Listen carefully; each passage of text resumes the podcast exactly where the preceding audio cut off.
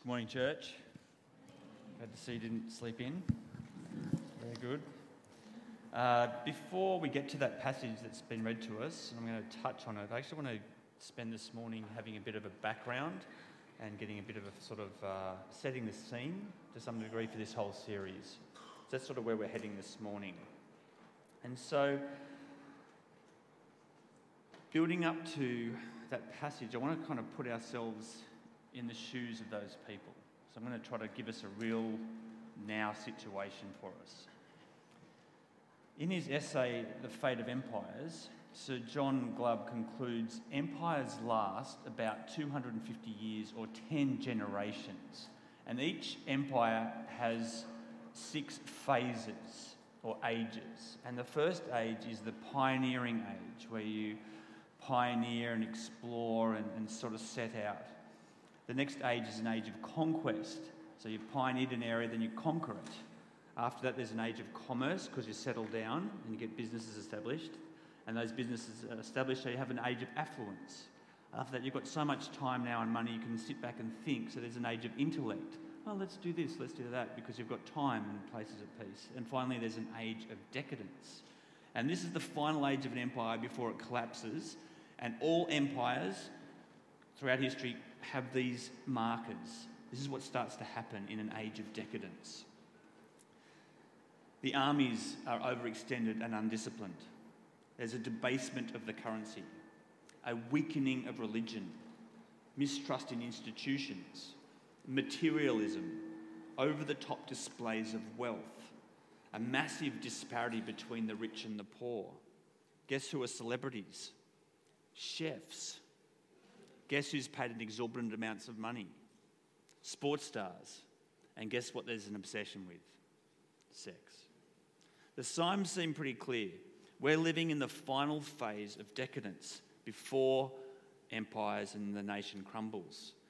Now, I want you to imagine a superpower in our Pacific region has done some pioneering. They've brought naval warships into Sydney Harbour.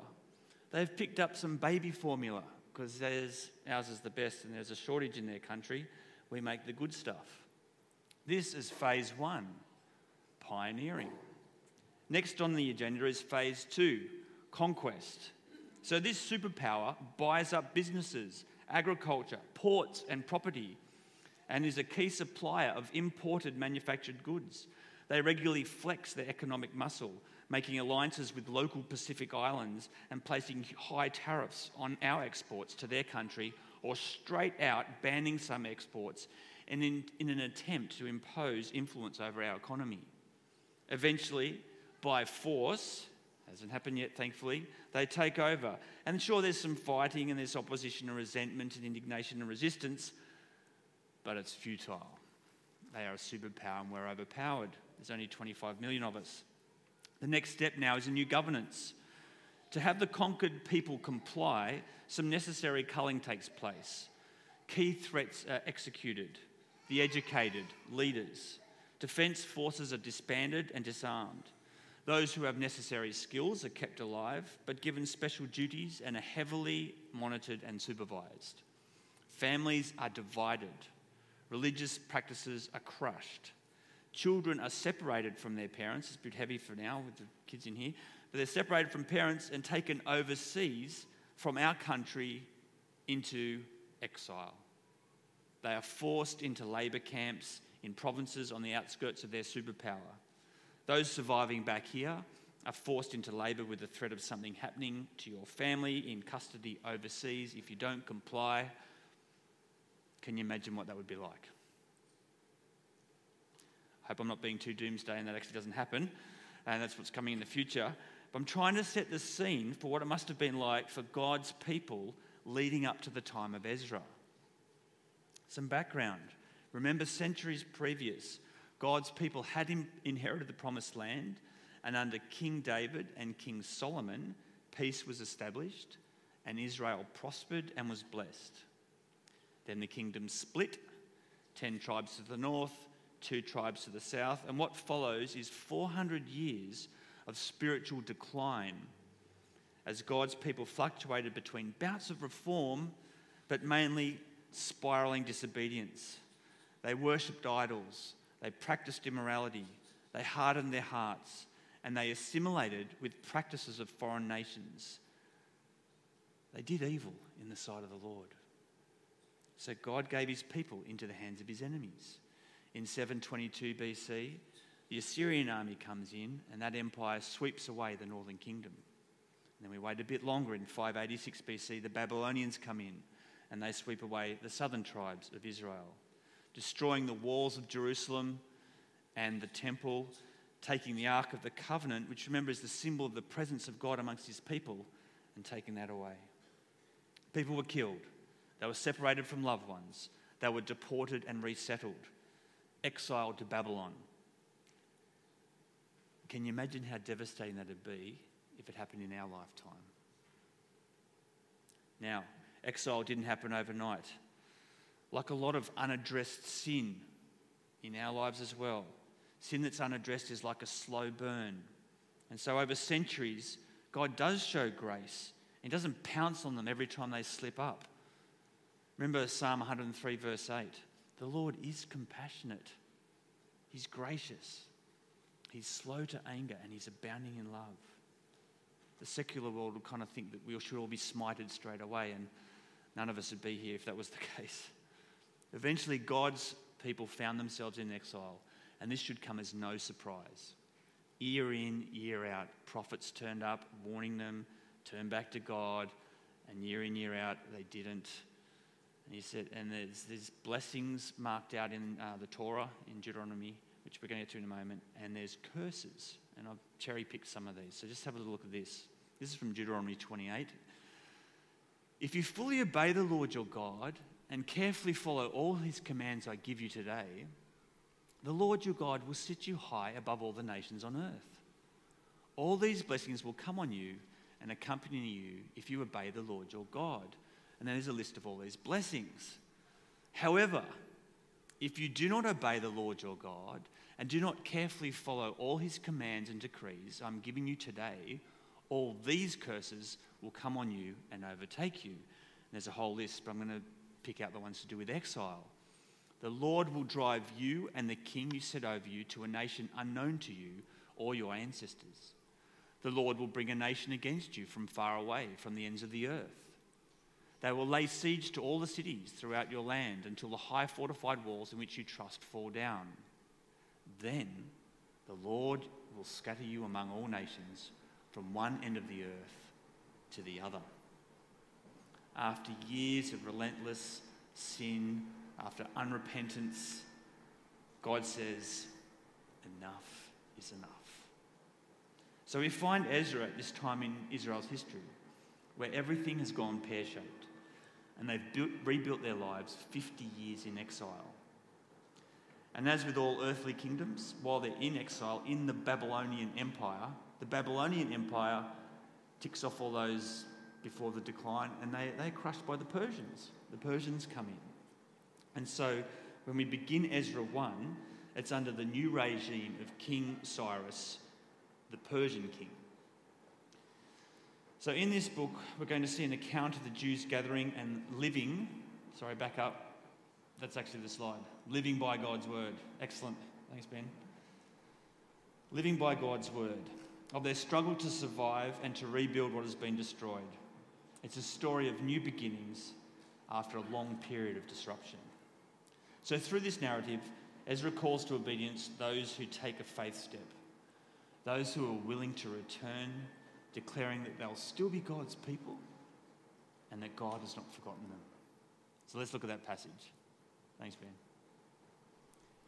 In the first year of Cyrus, king of Persia, in order to fulfill the word of the Lord spoken by Jeremiah, the Lord moved the heart of Cyrus, king of Persia, to make a proclamation throughout his realm and also to put it in writing. This is what Cyrus, king of Persia, says. The Lord, the God of heaven, has given me all the kingdoms of the earth, and he's appointed me to build a temple for him at Jerusalem in Judah. Any of his people among you may go up to Jerusalem in Judah and build the temple of the Lord, the God of Israel, the God who is in Jerusalem, and may their God be with them. So Cyrus knew about the Lord and referred to him by name in verse 2. But like many in his time, he actually thought that different gods wielded their power in different regions. And that's why he's referred to as the Lord, the God who is in Jerusalem. That's where he's wielding his power. But what I want us to notice is that even though Cyrus did not know or worship the living God, God stirs the hearts even of those who don't know him. Because God is sovereign over all. Given God can even work his purposes through unbelievers, it's a good reminder for us to pray for our leaders Prime Minister Anthony Albanese, Dominic Perrottet. Whether they have faith or not, we need to pray for them because God can still use them. We also to remember, need to remember that in our current generation of success driven Christian schools and even churches, where we want to have KPIs, key performance indicators, that God is sovereign. And while some of us plant seeds and others water, it's actually God that causes the growth, and it's God who builds the house. So we've got to be praying for that to happen. So, Ezra 1 we're told that God stirred the heart of King Cyrus to make a proclamation to send the exiles home to rebuild the house of the Lord for their God. Here we have a new king, he's got a new policy, and he doesn't waste any time in implementing this in his first year, including providing for the temple with all the artifacts and the silver and the gold. And this actually is a fulfillment of a prophecy made in Jeremiah 29, and it's all becoming true right here. Now, Cyrus's take is different than the Babylonians' approach. They used to, when they conquered people, want to suppress various faith traditions after they'd conquered, conquered them. And after relocation, uh, to get rid of any distinctive face, to make them compliant, they thought that, that would bring stability to their kingdom. So just think of Daniel and his friends. Remember his friends' names? Anyone? We think it's Shadrach, Meshach, and Abednego, and that's probably what the song's about. But that was actually a form to force them to assimilate into the culture. Their real names are Hananiah, Mishael, and Azariah. And those names are all to do with loving God and being part of God's children. These other ones to do with pagan gods. So that whole assimilation thing is let's crush their religion, let's crush their faith, let's order them to bow down to idols. And we know what happened there. They refused. You see, this approach by the Babylonians doesn't work attempts to repress various faith traditions produced enormous resentment amongst Babylon and actually gave rise to the heroes of the faith, like Daniel and his friends. So they become more courageous and more resolute, more stubborn, if you like, prepared to even die rather than deny their faith in the living God. So here we have Cyrus, and he comes to power, and he's going to pursue an entirely different path, and it's quite refreshing. Cyrus believed practicing your own religion would lead to greater stability, harmony, and social cohesion in the empire. What a breathtaking change.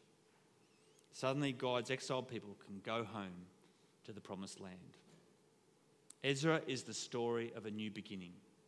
Ezra is also the story of new passion after a long period of discouragement.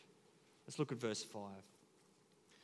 Then the family heads of Judah and Benjamin and the priests and Levites, everyone's whose heart God had moved, prepared to go up and build the house of the Lord in Jerusalem.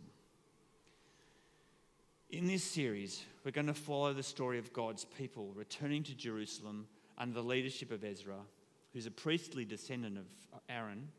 But behind that story, there's a deeper story about the rising and falling of the level of spiritual life among God's people. Think about the tide of the ocean, how the tide goes out and comes in. In the same way, are times when the level of spiritual life amongst God, God's people rises, and there are times when the level of God's spiritual life among God's people goes into decline. So we see this movement.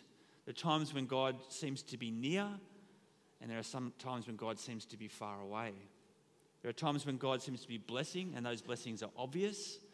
And there are times when it's hard to figure out what's going on here, God. I don't know what's going on. And we see this falling and rising of spiritual life all the way through the Bible. So when times are good, we want to keep those good times rolling, right? And when it's bad, we cry out and we lament And we can think of the lament, which is actually written while they're in exile, of Psalm 137, verse 1, and you can sing with me if you like. By the rivers of Babylon. Do we know this? By the rivers of Babylon, where we sat down. Anyway, and wept when we remembered. Yeah, we remembered Jerusalem, our home, and we wept. So they seek restoration, they want renewal, refreshment, their faith to be revived with an infusion of joy. Do we need a fresh infusion of joy in our spiritual life? Professor Robert Coleman has said this For many good people, even within the church, life has lost its meaning. There's no sparkle in the eye, no spring in the step. And as the religious community flounders in mediocrity, the world plunges deeper into sin. Wonder if that resonates with you. No sparkle, no spring, mediocre faith, the world sliding deeper into sin. We need a new spiritual awakening. We need a fresh outpouring of faith, of hope, and of love. Renewed love for God, renewed love for each other, a fresh infusion of energy, a renewed sense of purpose and of calling. This is exactly what we have here in this book of Ezra a new spiritual movement, an infusion of life as God stirred the hearts of his people, and those who were stirred had a new passion. What God did for them, he's able to do for us today. So, this book of Ezra is the story of a new beginning after a long period of disruption. It's the story of a new passion after a long period of discouragement. And this book speaks to us with a new challenge. Verse 5 God stirred the hearts of some of his people to go home and leveraged the monarch Cyrus to initiate the move. Notice there it says, stirred the hearts of some. You can imagine for some this would be exciting, but for others, quite daunting. 50 years have gone by. A whole new generation have died out, and two new generations would have been raised in Babylon, which means that's their home now, and that's all they know. Suddenly they're being invited to leave all that they've built, and they would have got on with their lives and begun a new life. They go back to a ruined city in Jerusalem. Babylon was safe. Returning to Jerusalem would be a faith step. It would be risky, but they'd need to trust God. In Ezra 2, verse 64, we see the number is 42,360, plus servants and singers, making the community around 50,000 people who returned to the rubble of Jerusalem. That's not everyone. Old Testament scholar Walt Kaiser estimates that this number may represent only about one in six of all of God's people in Babylon. Only one in six left the safety and comfort of their familiar surroundings and returned. Ezra 1 God stirred the heart of King Cyrus and 50,000 others. As we follow this story, 80 years later, a second group will return, and 13 years after that, the third group returned under the leadership of Nehemiah. So the return happened over a period of 100 years. That first group, by the way, wasn't led by Ezra, it's actually led by Zerubbabel. And we'll get to that later. Not today, though. Why did the return matter? God's people, after all, could stay in Babylon, and while they're in Babylon, they can still read the scriptures, they can still pray there, and they certainly have an amazing opportunity to witness to their Babylonian and Persian neighbours. Why go back? And we know people did stay, and God used them. This is the same period as the time of Esther. You know what happened with Esther? God raised up Esther to be queen to King Xerxes, uh, which stopped a genocide taking place. And she was raised up, there's a beautiful line, for such a time as this. And she was able to be there for God's people to be rescued. So, why the great need to return to Jerusalem? In the Old Testament, God said that there'd be a place where He would put His name. In Deuteronomy 12, verse 5, we read, But you are to seek the place the Lord your God will choose from among all your tribes to put His name there for His dwelling. To that place you must go. And as we follow the Old Testament story of David, he discerned that that place was the city of Jerusalem, and that's where they brought the covenantal ark, presence of God, and that's where they built the temple that Solomon built. And when Solomon built that temple, remember the cloud of God's glory came down among his people. So it's a symbol of God's presence.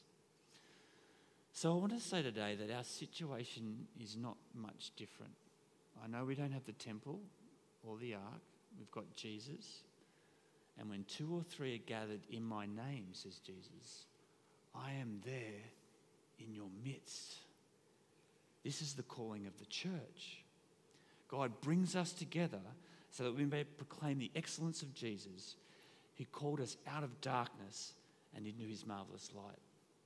Where God's name will be exalted and where God's presence will be wonderfully made known among the nations.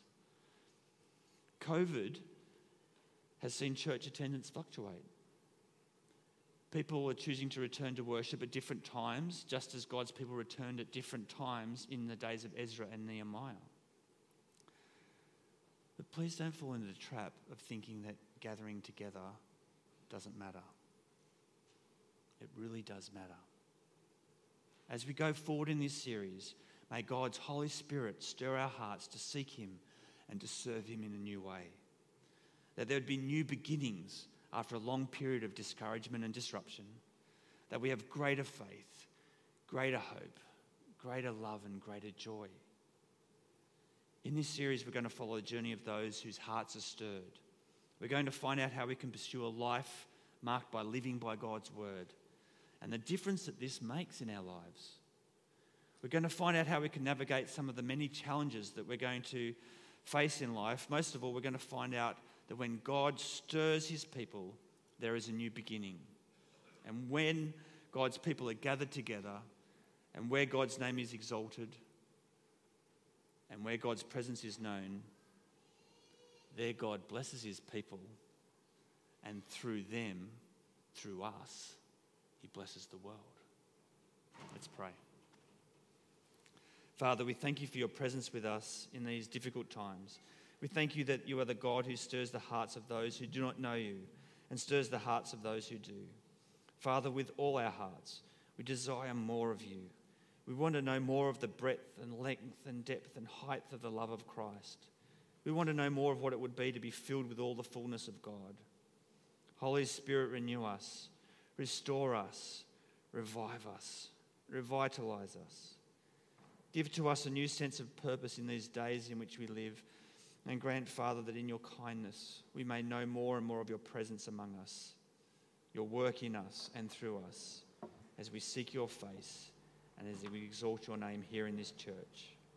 Help each of us according to each of our particular circumstances, we pray. And may your blessing be upon your people for these things we ask. In Jesus' name, amen. Thanks, John.